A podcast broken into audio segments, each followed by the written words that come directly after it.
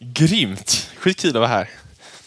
Eh, jag tänkte jag skulle börja med att läsa en, eh, en, en vers i Bibeln och då får ni eh, få ha den i baktanke. Jag kommer inte gå in så mycket nu på vad den betyder. Och förberedd som jag är så har jag alltså inte lagt mig ha sån här Alltså jag har inte märkt ut vad det är. Så det, det är Johannes 6 i varje fall. Eh, jag tänker så här med anteckningar nu. Förresten, om, det är inte så många som har sitt block med sig, men om man känner att... Men var ändå lite beredda med mobil eller någonting sånt. Ifall ni känner att, att Gud talar någonting till er. Liksom. Är det någonting som landar rätt, så skriv upp det. eller så. Det är bra att ha koll på. Eh, så att inte något annat kommer och rycker bort det. Så. Yes, då ska jag läsa från Johannes 6 och jag hittar inte det så jättelätt nu så jag ber om ursäkt. Um, verserna 28 till 29. Och det är Jesus, han, är undervisar. Eh, och så kommer de han har undervisat för, många av dem är nog lärjungar kan vi anta. så. Eh, och frågar Jesus så här. Det frågar då, vad ska vi göra för att utföra Guds verk? Jesus svarade, detta är Guds verk, eh, att ni tror på honom som han har sänt. Fräckt bibelord, nu tänker jag inte säga mer om det så länge. Utan Jag tänker säga att Breanäs, alltså shit vilken nice plats, eller hur? Det, går, det är läger här, det är konfirmationsläger på sommaren, någon som är konfa på Breanäs. Nice, nice, nice. Jag har själv bara varit här på, på påskläger tror jag det är. Och det var nice.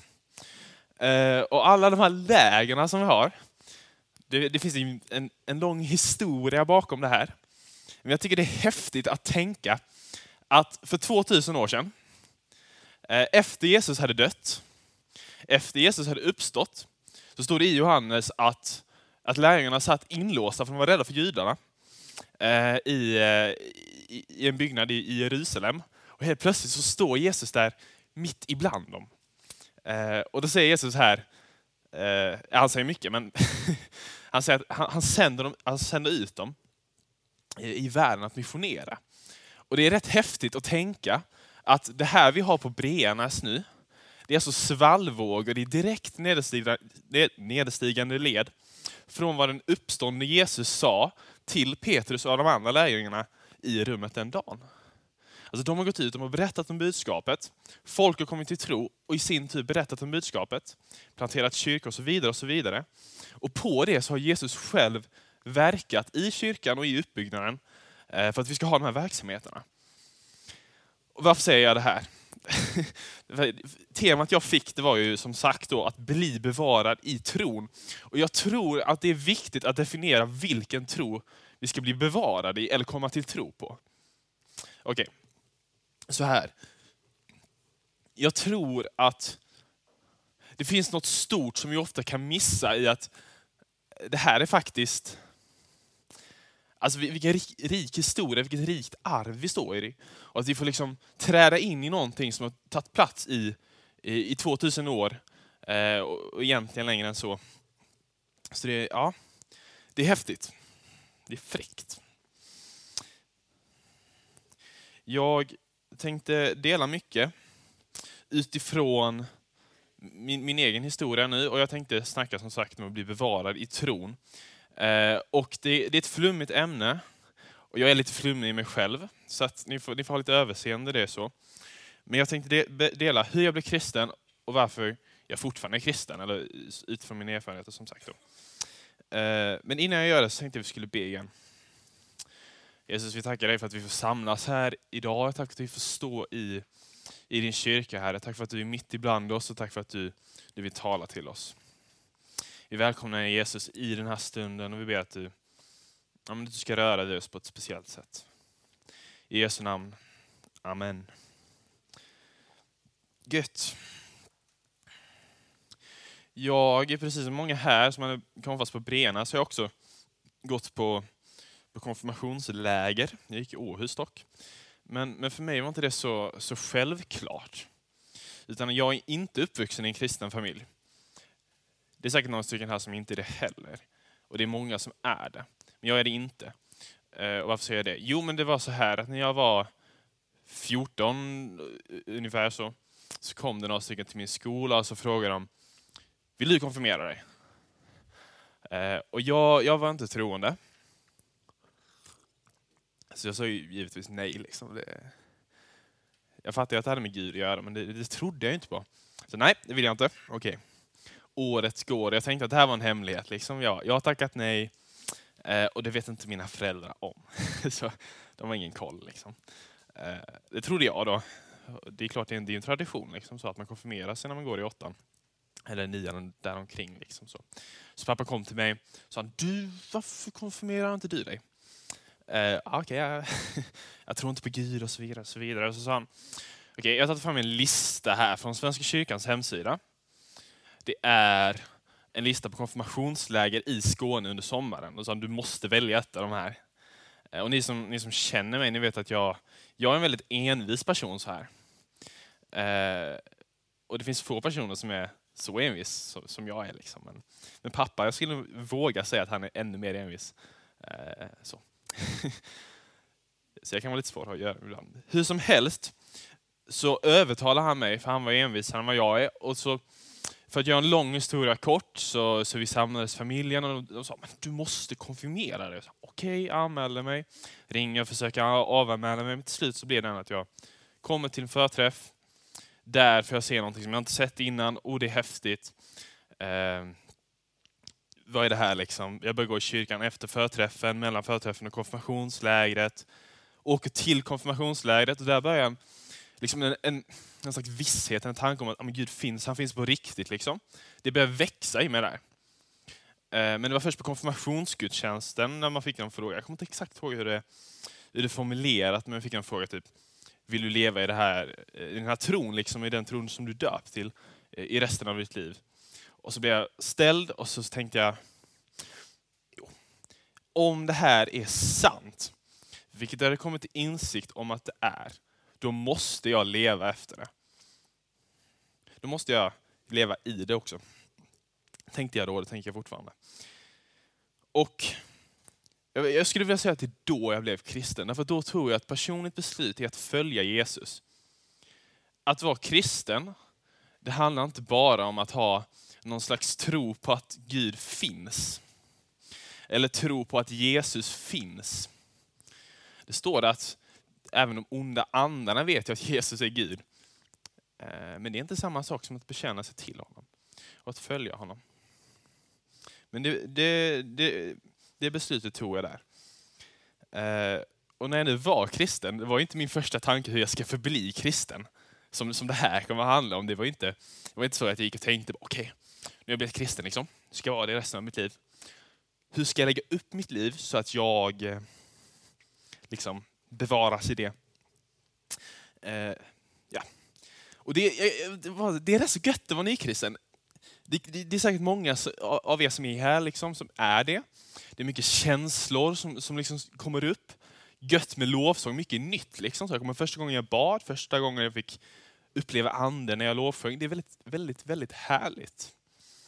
Eh, och är du där just nu så, så bara lev vidare i det. det för att vara tacksamma för att vi får ha sådana stunder. Eh, och man är väldigt taggad som nykristen och det var jag också. Jag, jag, ville, liksom, jag ville frälsa världen för Jesus. Liksom. Och, eh, jag, jag gick ut och berättade mycket i min klass så här liksom om okay, vad, ja, men vad jag fått uppleva, hur jag kommit till tro. Jesus finns, hallå, han, det gäller för dig också. Liksom. Eh, och det fick lite blandat resultat. så. Liksom. Mest tyckte folk att jag var lite skum. Eh, men eh, jag fick med mig min nuvarande bästa kompis och han är fortfarande kristen. Det var, det var, det var jättekul så. Eh, men, men, men mestadels mötte jag motstånd. Men, men en sak, och det här tror jag framförallt är när man kommer från en okristen familj. Och när man kommer, vad ska man säga, alltså när man inte varit kristen så länge. Så kunde, för det jag kunde tvivla på så mycket, det var, finns Gud verkligen? Tvivel kan se ut olika olika, i olika stadier i, i livet. så liksom. Just då var, finns Gud verkligen? Jag tycker det, det finns en sån tröst i vad som står när lärjungarna får se den uppståndne Jesus i, i Matteusevangeliet. Därför det står att vissa tvivlade. Det var Jesu lärjungar som har sett Jesus själv uppstå från de döda och de tvivlar ändå. Att du är välkommen, även om du tvivlar på Guds existens så är du alltid välkommen. Du räknas ändå till Jesus även om du inte med ditt intellekt alltid kan förstå det, alltid kan, kan komma runt det. Liksom. Eh, för jag kunde, jag kunde tvivla på Guds existens då. Och det är okej. Okay. Och jag, ska också säga det, liksom, vi, vi kommer aldrig få någon fullständig kunskap om Gud nu. Det står ett väldigt tröstande ord i första Korinthierbrevet att först i himlen så kommer vår kunskap bli fullständig som Guds kunskap om oss är fullständig. Första Korinthierbrevet 13.12 står det. Uh, och det var gött att ha den här tiden, liksom, men, men eh, det, finns, det finns ett känt ställe i jobb där det står att det finns en tid för allt. Och det finns en tid för, för de här nykristen, mycket känslor, mycket, ja men det är gött liksom, mycket nytt.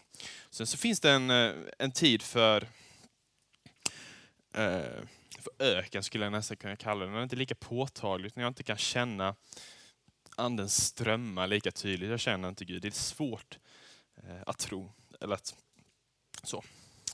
Och för mig så, alltså någon kyrkofader har sagt det, att Eh, jag, jag, jag, jag försökte googla vem som har sagt det, men jag hittade inget, inget jättebra så. Liksom. Men att i nykristen, efter ett år ungefär, så, så kommer han gå in i, ett, in, i en öken. Så liksom. att Det kommer bli prövning. Och det, för, för mig var det efter nian, då har det varit liksom, okay, jag har börjat gå i ungdomsgrupp, kanske börjat gå på söndagsgudstjänst. Liksom. Och man har kommit in lite i den kristna gemenskapen, man lever fortfarande på det här, oh, det här är något nytt, det är något spännande. så liksom. Men det har liksom inte...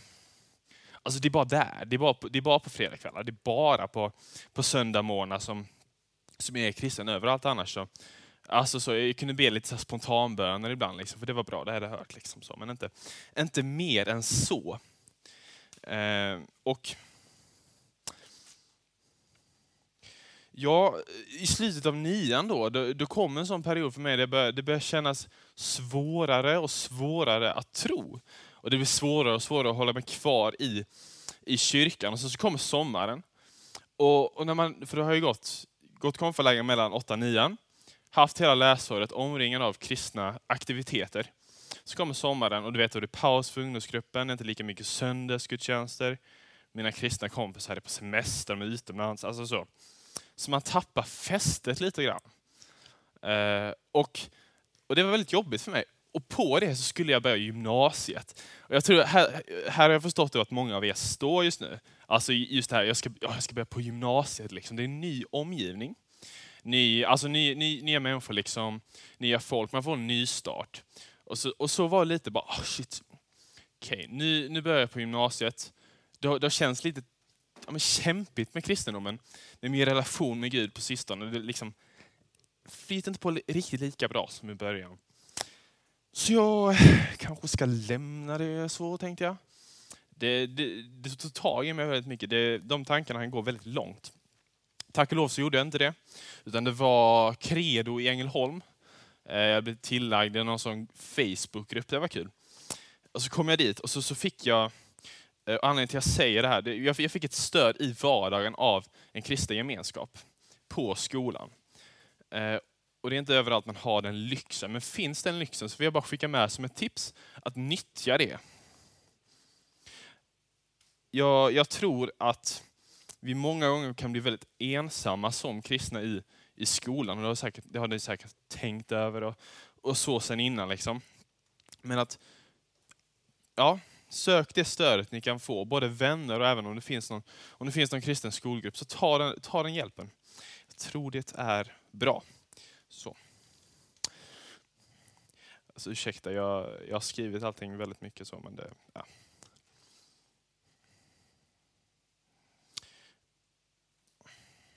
Och mitt i den här vevan också så, eh, nu, nu, nu är jag alltså i ettan på gymnasiet och då kom jag med i, i en annan ungdomsgrupp än vad jag gått tidigare. Eh, i, i OAÖ Ängelholm, det är kanske är någon som, som går dit. Yeah! Eh, och det var nice. Det som var grejen där som var väldigt nytt för mig, det var att, för det gick innan, då, då kom vi dit och så lekte vi och sen hade vi andakt. och andakten det var. Liksom. Men det var något man gjorde. Liksom. Men där, och det här var väldigt positivt, det var att där samlades vi kring bibelordet och så hade vi ett bibelstudium först. Och det var skittråkigt de första gångerna. Alltså så man sitter där och så bara... men, men, men jag upptäckte att det här, oh, det, här, det här är verkligen liv. Ju mer jag lyssnar på det, ju mer jag vande mig vid det, så inser jag att här finns verkligen någonting för mig att hämta. Och jag börjar bli intresserad av vad den kristna tron faktiskt sa eh, till mig. Inte bara de här luddiga känslorna som jag hade upplevt innan. Eh, och nu, kommer ni, nu är ni i ett sammanhang som, som kanske mer betonar det än vad, vad jag var i. så liksom. Ta då vara på det. Eh, så. Mm. Och jag, eh, i den här vevan, då, då blev jag liksom så inspirerad. Så tänkte jag nu ska jag sträckläsa Nya Testamentet. Liksom så. Eh, så det försökte jag några gånger. Jag kom typ halvvägs någonting. Och det var liksom inte att jag hade någon sån här strukturerad andaktsliv eller så, utan det var mer, okej nu läser jag 20 kapitel. Liksom, så, eh, och så, så var det häftigt och det var liksom inte för vad det stod eller någonting sånt, utan det var liksom läs för att ha läst. Jag bara rysa igenom bibelböckerna, fattade inte någonting egentligen. Jag tänkte att jag fattade, men jag gjorde inte det. Eh, och här så blev det ju, då hade höstterminen gått och då blev det julafton och då fick jag två julklappar som, som jag tänkte, det var en välmenande moster som gav mig två böcker. Eh, och det var Om Gud och om Jesus av Jonas Gardell. Så. Jag, ska, jag ska komma in på det här mer sen. Jag vill inte svartmåla honom, så han är, han är, han är en skön typ, liksom, men teolog är han inte. Eh, så. Eh, som sagt, jag, jag, jag börjar kika lite på dem jag tänker men det här, det här tar jag någon annan gång. Liksom. Eh, och så, så fortsätter vårterminen och, och det är gött liksom. Eh, nu, nu börjar de här strömmarna komma igen och upptäckt bibelordet. Det är något nytt liksom. Det, det är fräscht. Som man skulle säga i huvudstaden. Eh, men sen så kommer den här sommaren igen. Och ni vet, det var precis som innan. Alltså, nu försvinner ju alla, alla, alla de här kristna ramarna jag satt upp. De försvinner. Alltså då har jag ju ingenting som kan bära mig i vardagen i min tro. Även om jag hade fler aktiviteter i ettan än vad jag hade i nian. Så hade jag ändå, jag hade bara söndagsgudstjänsterna, om ens det, på sommaren. Och det var tungt. Det, det, det, var tufft. Men det jag hade, då hade jag tänkt så här. Nu, nu så, nu har jag böckerna. Jonas Gardell. Om Gud och om Jesus. Och alltså det, det, det kan vara intressant att läsa dem så. Men framförallt om du är ny i tron så läs inte de böckerna så. Liksom. Han, Um, han, han, säger att han är kristen och så, jag ska, jag ska inte svartmåla honom. Men det, det, han, det han framförallt lägger fram det är att Gud i gamla testamentet skulle vara en massa olika gudar och att Jesus inte egentligen skulle dött på ett kors och att han inte egentligen skulle vara jungfrufödd. Massa tvivel in i min tro. Allt det här som jag hade fått få undervisning om i ungdomsgruppen, det bara... Jag sågar då alltså bara såga ner det. Liksom. Och, jag, och det här fick fäste i mig, därför att under den här tiden så, eh, så läste jag inte så mycket bibel heller, lite grann sådär, men mest läste jag de böckerna.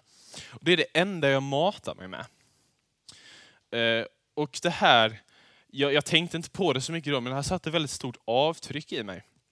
Så när jag kommer tillbaka eh, i tvåan då, då, så snackar jag med Linus Månsson som är han har seminarium här också. Han, var, han hade varit ungdomsledare året innan. Eh, och jag, jag, delar lite av det här med honom. Och han, han bara, alltså CV, Jonas Gardell är en villolärare. Och jag bara, nej. han, han är ju jättevettig. Han är ju smart. Han, han säger massa vettiga grejer. Allting går ju ihop i hans bok. Men eh, det går inte ihop gentemot bibelordet. Eh, så. Och på höstterminen så märker jag att det här, alltså, för, för att han målar fram det som att, okay, den Gud som har mördat jättemycket människor i Gamla Testamentet. Det här känner ni säkert igen för folk som inte tror, som lägger fram som, som varför de inte vill tro. Liksom, okay, hur ska du tro på en Gud som är mördare? Så. Det var ungefär den bilden man fick. Och, och det, här, det här satte sig väldigt djupt för mig. Och jag tänkte att ja, men, en Gud som liksom skulle döda så mycket människor, som skulle vara så orättvis, en sån Gud vill inte jag tro på. Alltså så. Vill man det? så. Så att jag... Och det, det, här tog mycket, mycket djupare än vad jag tänkte att det skulle ta. Väldigt mycket djupare. Jag, jag, blev, helt, jag blev förtvivlad. Så. Eh, och jag, jag, var väldigt nära på att lämna tron. Det var nog den gången som jag faktiskt var, var närmast att lämna tron alltid. Det, det var liksom, ja, det var nära. Och jag bröt ihop. Och då, eh, då fanns det ändå någonting där som blev kvar. från all, all den här teologin hade liksom ramlat bort. Som, som liksom inte var bra för mig. Då, då fanns ändå Jesus kvar där.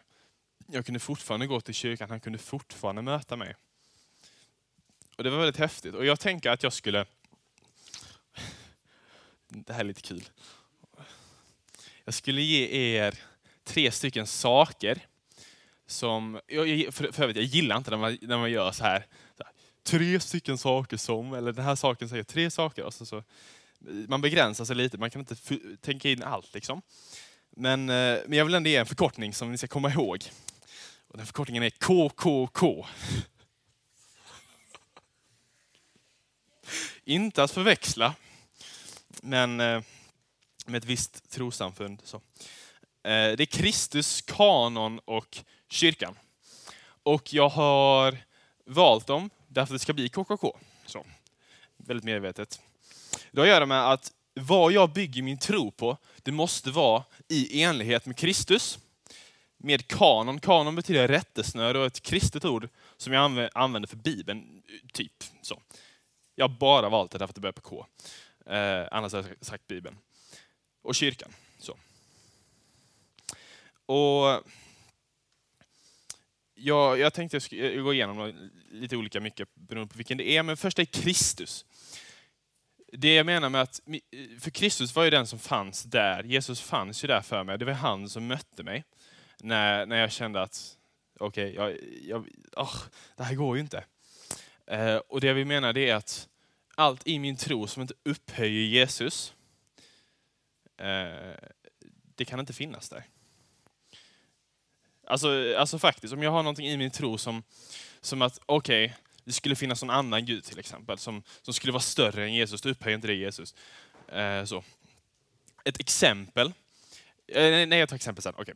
Okay. Eh, och även den personliga relationen med Jesus. Jag måste bygga min tro på den personliga relationen med Jesus. Det var det enda i min tro, eh, det var inte riktigt det enda, men det var den största delen i min tro som fanns kvar när jag märkte att den teologi jag hade matat mig inte var synd.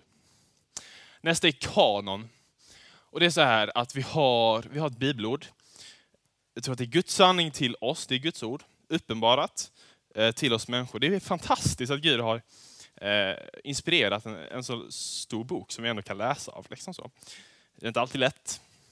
Men vad, om det jag tror på inte stämmer igen med vad som står i bibelordet, Eh, då blir det kaos. Det var, ju, det var precis det vi såg här. Eller som, så, som det var för mig. Liksom. Och Ja, precis. Det är inte alltid lätt att förstå, men lyssna på undervisning. Till exempel så säger ju bibelordet att Jesus är jungfrufödd. Medan Jonas Gardell sa att han inte var det. Då är det bibelordet som måste ha företräde och auktoritet. Så.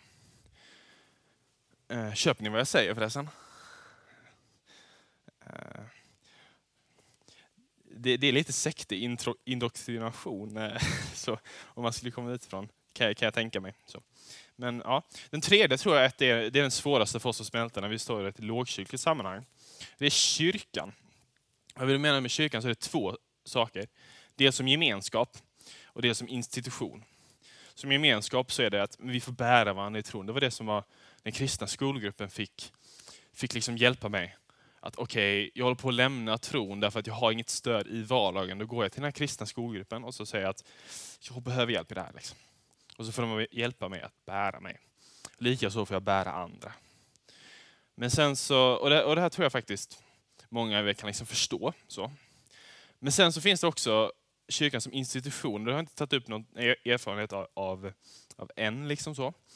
Men eh, när, när, Petrus beskriver Jesus som Messias, då säger, eh, då, då, säger Jesus här att du är Petrus, klippan, på dig ska jag bygga min kyrka. Vad ni binder ska vara, på jorden ska vara bundet på, eh, i himlen, och vad ni löser på jorden ska vara löst i himlen. Och Det det betyder, det är att Jesus själv bygger sin kyrka. Eh, och den har auktoritet att binda och lösa. Vad betyder binda och lösa? Um, jo, jag tänker så här. Eh, eller det är, inte, det är, inte, jag som tänker, det är en rätt så klassisk tolkning av det. Men det, det handlar om liksom tolkning av lagen. Precis som Jesus själv kan binda och lösa på lagen, som att han löser på sabbatsbudet. Att sabbaten är till för människorna, inte människorna för sabbaten. Och att han skärper laget om äktenskapsbrott. Att vad du ser på en kvinna i... Eh, ja, nu kan jag inte citera det i huvudet. Ja. Eh, så. Han, gör, han gör det striktare än vad det står i, i, uttryckligen i Toran. Så. Och det har kyrkan fått i uppgift. Det här, det här är också något som kyrkan har missbrukat, så, så man ska inte dra det allt för långt. Men, men ändå, ändå, vi behöver lära oss att rätta oss efter, efter auktoritet. Så. Jag ser att några håller på att somna bort här, så jag tänker att vi ställer oss upp. Eh, Eh, jag hade, jag hade egentligen velat ha en eh, eh typ en MP3-spelare dylikt här nu. Nu ska vi ha lite motion. Ska alla gå så här. Och stopp. Jag kan inte riktigt låten i huvudet. Och jag är ingen sångare, men ni får, ni får följa mig. Om någon kan den så får någon ta upp och, och liksom överrösta mig. Men då börjar vi. Knäna böj och armar uppåt sträck. Rösten höj och Jesus handen räck. Denna andliga motion ger dig kraft och kondition. Därför, knäna böj och armar uppåt sträck. Kan ni sätta er ner? Så. Jag, jag, jag, tror humor är ett väldigt effektivt retoriskt medel, för nu kommer ni lyssna mer på vad jag säger. Så, och dels för att ni fick lite syre så. Mm.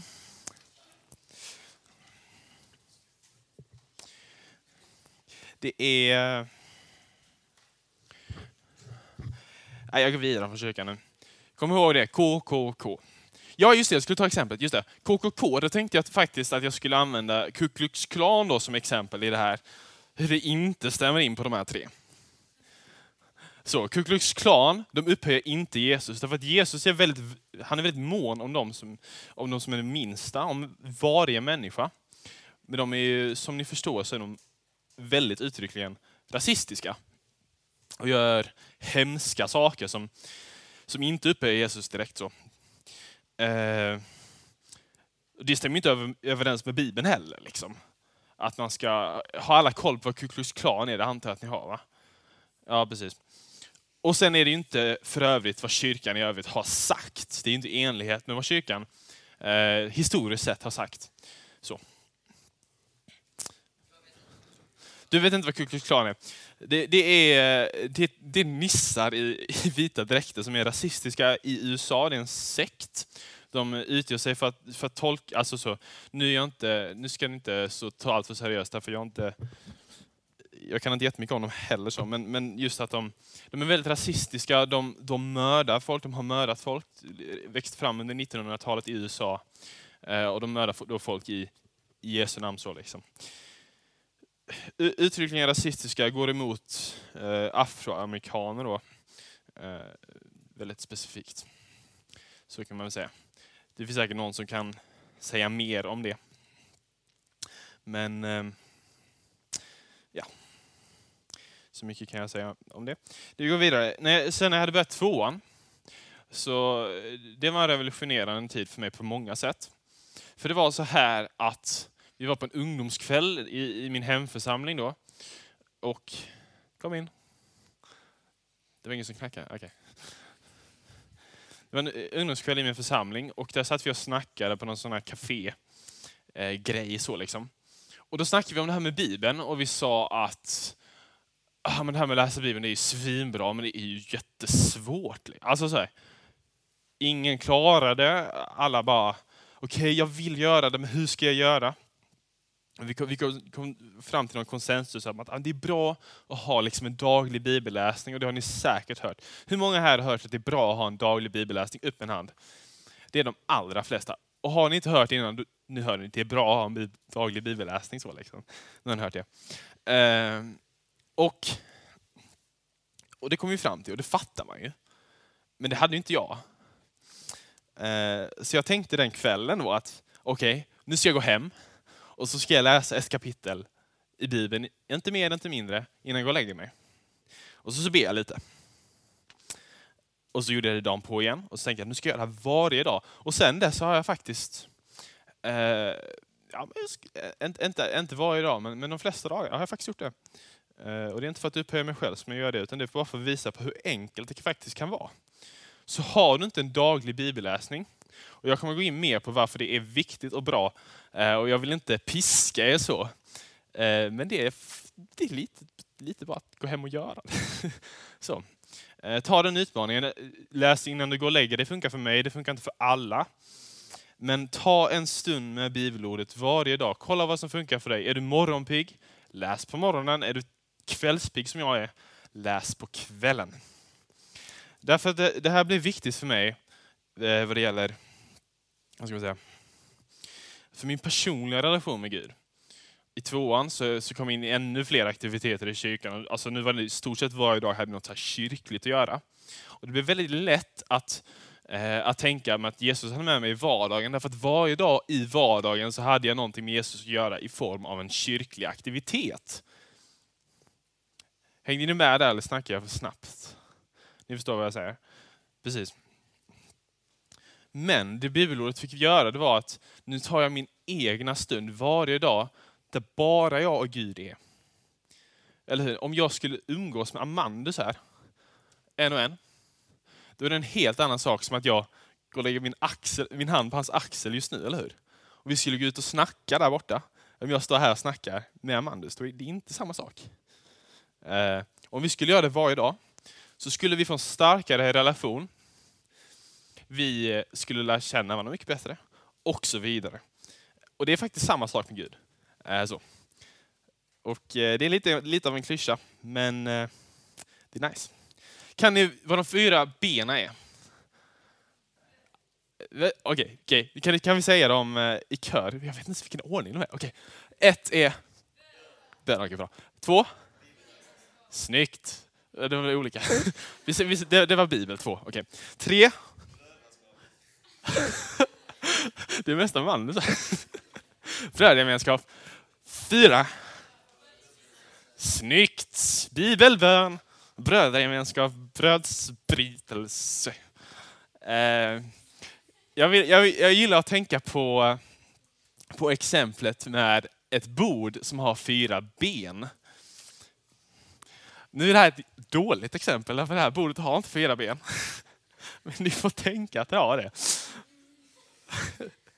Så ett ben här, ett ben här. Och Det här bordet är min tro. Och det får bäras upp av de här fyra benen. Ehm, och om jag tar bort ett ben, ah, jag vill inte ha brödragemenskap, då kan bordet stå lite grann fortfarande, eller hur? Men om jag skulle ta bort ett till ben. Då har jag tagit bort två ben. Det kanske står, men förmodligen så kommer det ramla, i alla fall efter ett tag. Om jag skadar på ett ben, då, då står det liksom, för så här någonstans mitt under till liksom så, så får det så liksom. Eh, det funkar inte. Möjligtvis Ikea skulle kunna göra en sån design, liksom, men ingen vettig människa. Eh, och så var det mycket för mig. Alltså jag hade, visst jag hade bibelläsning, jag hade bön och jag hade brödsbrytelse så liksom, men, men jag, jag ska gå in mer, jag, jag ska ge lite egna definitioner på de här också.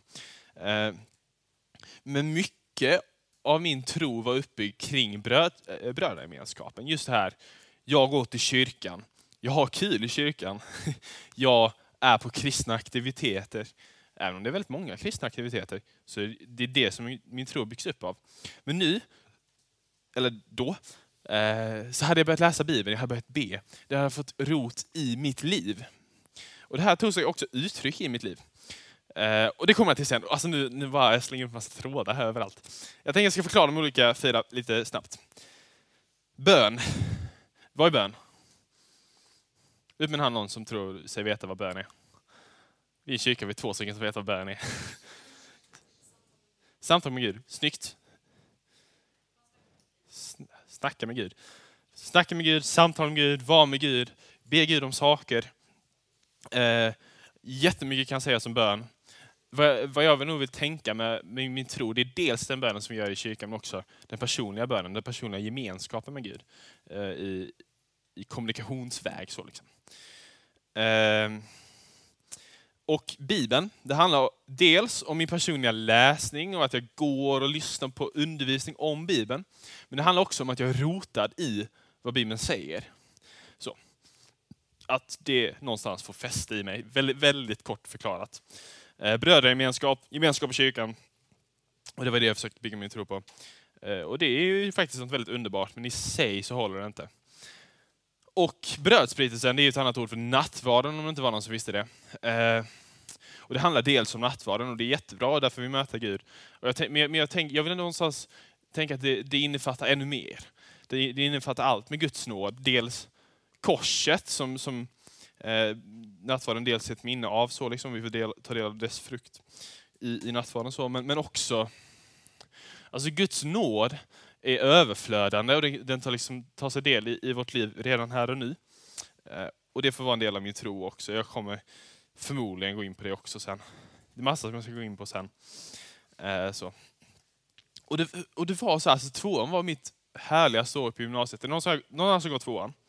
Upp en hand. Ja, precis. Alla dessa handuppräckningar. Du går inte i tvåan, Anna. ja, nej.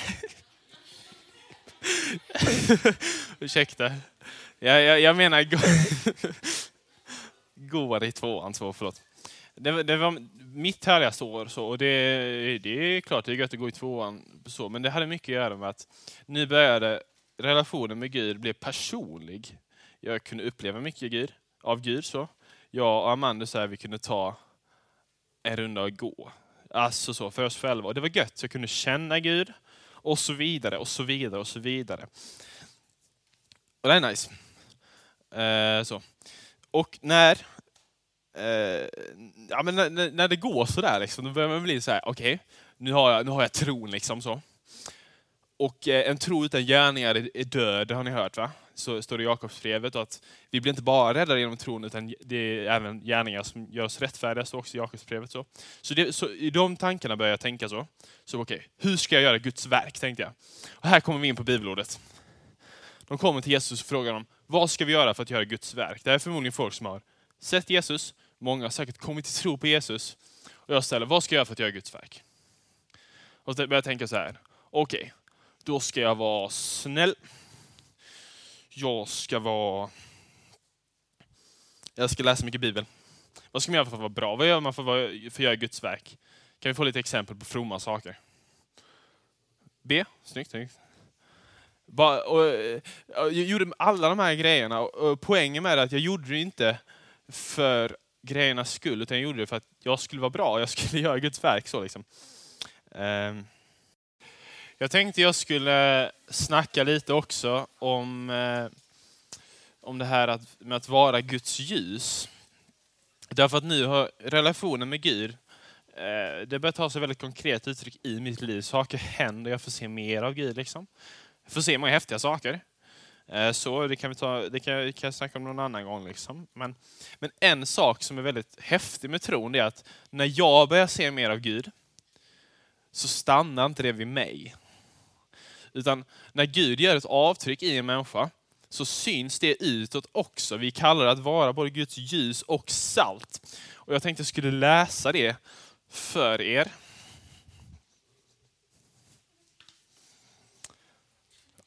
Alltså jag är så dåligt förberedd. så. Nej, men eh, som sagt, Guds ljus och Guds salt. Eh, och jag, jag, tänker till exempel på, på Mose, när han har mött Gud, och han, han sitter i ett samtal med Gud, står det, eller så, han, han pratar med Gud liksom i, eh, så, avskilt. Och då står det att när han kommer ut sen så måste han täcka för ansiktet därför att det lyser så mycket, därför att Herrens helighet har avspeglat sig, eh, avspeglat sin glans, så att nu skiner det från Moses ansikte. Och så kan inte de andra, vågar de inte, inte se på honom för det. Och eh, nu har jag glömt vad det står. Matteus. Ja, hur som helst. Um, och på samma sätt får det bli med oss. Då. Och Jesus skriver, så här om, om att vi är, eller säger så här i, i bergspredikan då. Matteus 5, 14 till, ja, och så vidare. Ni är världens ljus. En stad uppe på ett berg kan inte döljas. Och när staden tänder en lampa sätter man den inte under sädesmåttet utan på hållaren, så att den lyser för alla i huset. På samma sätt ska ert ljus lysa för människorna så att de ser era goda gärningar och prisar er fader i himlen. Jag, jag, tycker det finns, det finns en häftig spännvidd i de här verserna. Att dels så är det, ni är världens ljus. En stad uppe på berget kan inte döljas. Alltså bara du är inrotad i Kristus så kommer det synas. Men så finns det också den här delen av att på samma sätt ska ert ljus lysa för människorna så att de ser era goda gärningar och prisar er Fader i himlen. Så ljuset handlar om dels att jag är det och dels gärningarna som får ta sig uttryck i, i min tro. Då. Så. Eh, och under den här tiden så Eh, så min mamma, jag var inte uppvuxen i en kristen familj sa jag innan. Eh, men min mamma hon har börjat bli mer och mer nyfiken på det här med tro. Hon börjar fråga mig en massa.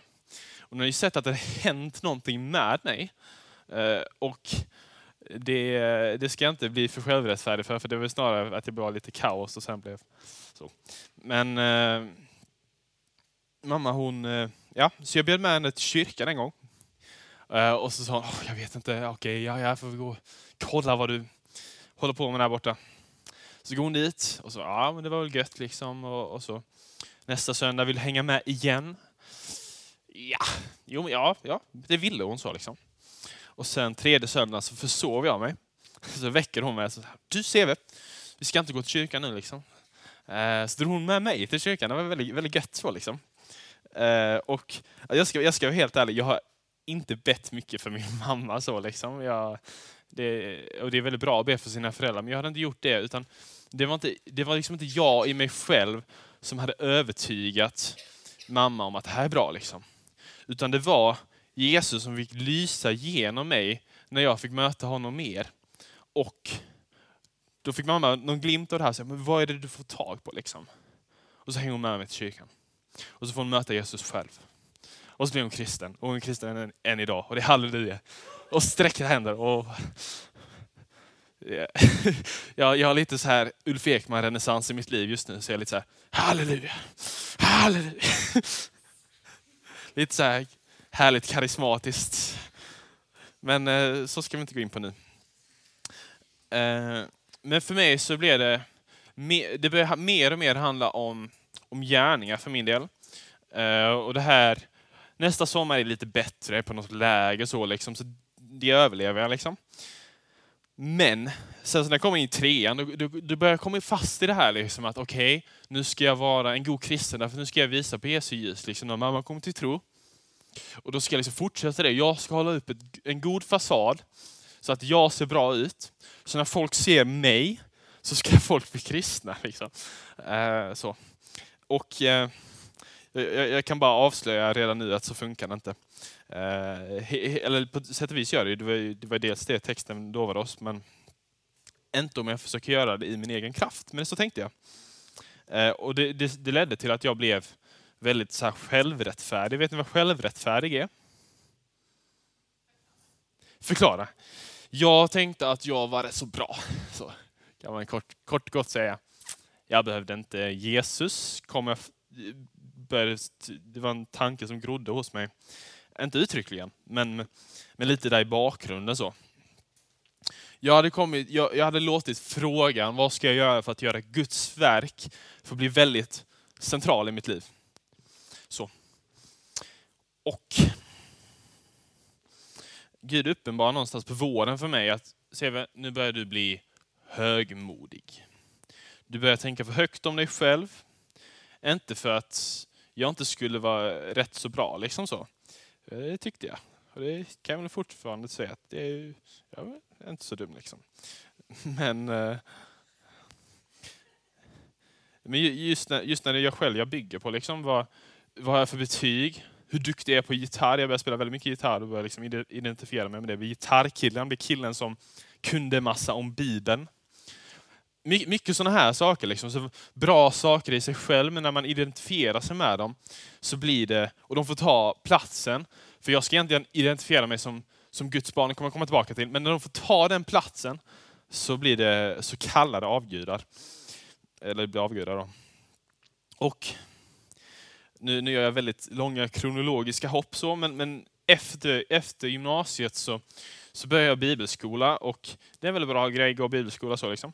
Men jag tror så här att när man ger Gud utrymme, när man ger Gud tid, så verkar Gud med den. Gud liksom förvandlar en när man, när man låter honom göra det. Eh, jag vågar nog faktiskt säga att det, att det är så. Och Ja, men jag, jag tycker jag ska läsa den här, det här stället igen för Johannes 6 och 28 som jag läste innan. Nu ska jag läsa 29, 29 då. Vad ska vi göra för att göra Guds verk? Ja, Jesus han är så skön när han svarar. Jag tycker bara, han är bara så... Ja. Han vänder på det helt. Han säger, han säger så här, Jesus svarade, detta är Guds verk, att ni tror på honom som han har sänt. Så han vänder på det hela. Så när jag vill liksom komma här, okay, vad ska jag göra för att göra Guds verk? Med min liksom självrättfärdighet, mitt högmod, och så säger Jesus, okej okay, du, vänta lite här nu. Det är bra att vi gör goda saker, men grunden, alltså du, Guds verk, det, det handlar ju om att du ska tro på mig, på Jesus. Det, det, innebär att du ska tro på honom som han har sänt. Det innebär att du ska tro på det Jesus har gjort på korset. Och att det är det som räcker när jag vill prestera. Så. Det är en häftig vers. Eh, och jag tror, jag tror det här är en insikt som vi som, som kristna liksom måste drivas in i om och om igen. Så. Därför att det går hela tiden mellan, okej, okay, jag är rätt så bra. och så, och så, så bara, nej. Jag behöver nåd liksom. Och så, så lyfter Gud upp en och så, så bara, oh, jag var förlorad men jag är återfunnen. Jag var svag men nu är jag högmodig. Och så måste jag ner igen liksom. Um, men, och så får, det, så får det vara, så är det, så kommer det vara. Eh, men jag tror att det kristna livet håller inte i längden att bygga på vad jag själv gör. Så, utan det, här, det handlar om att vi ska bygga på, på Jesus. Jag ska förklara det här nu som avslutning. Så. Det finns, ja. Eh, alltså jag ska, jag ska läsa ett bibelord till och sen så är jag klar. Japp. Typ. Jag ska, jag ska läsa från Johannes 10. Det är Jesus som säger, snackar om, eh, om att han är den gode herden om sina får. Jesus säger så här om sina får att jag ger dem evigt liv och de ska aldrig någonsin gå under och ingen ska rycka dem ur min hand. Och eh, jag, jag tänker att, att det är det här kristna livet handlar om. Att, att någonstans jag, jag, jag, fick, jag, fick, jag fick titeln att, att bli bevarad i tron. Jag tycker det är en väldigt fin formulerad titel. För man bara tänker på vad som sägs där. Så vem är det som bevarar? Jag bevarar mig själv i tron. Nej, att bli bevarad. Jag blir bevarad av Gud.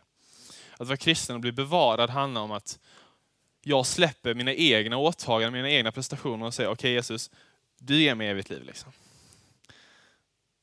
Jag lyssnar på din röst. Eh, och gör vi det, då har Jesus lovat oss, att ingen ska rycka oss ur hans hand.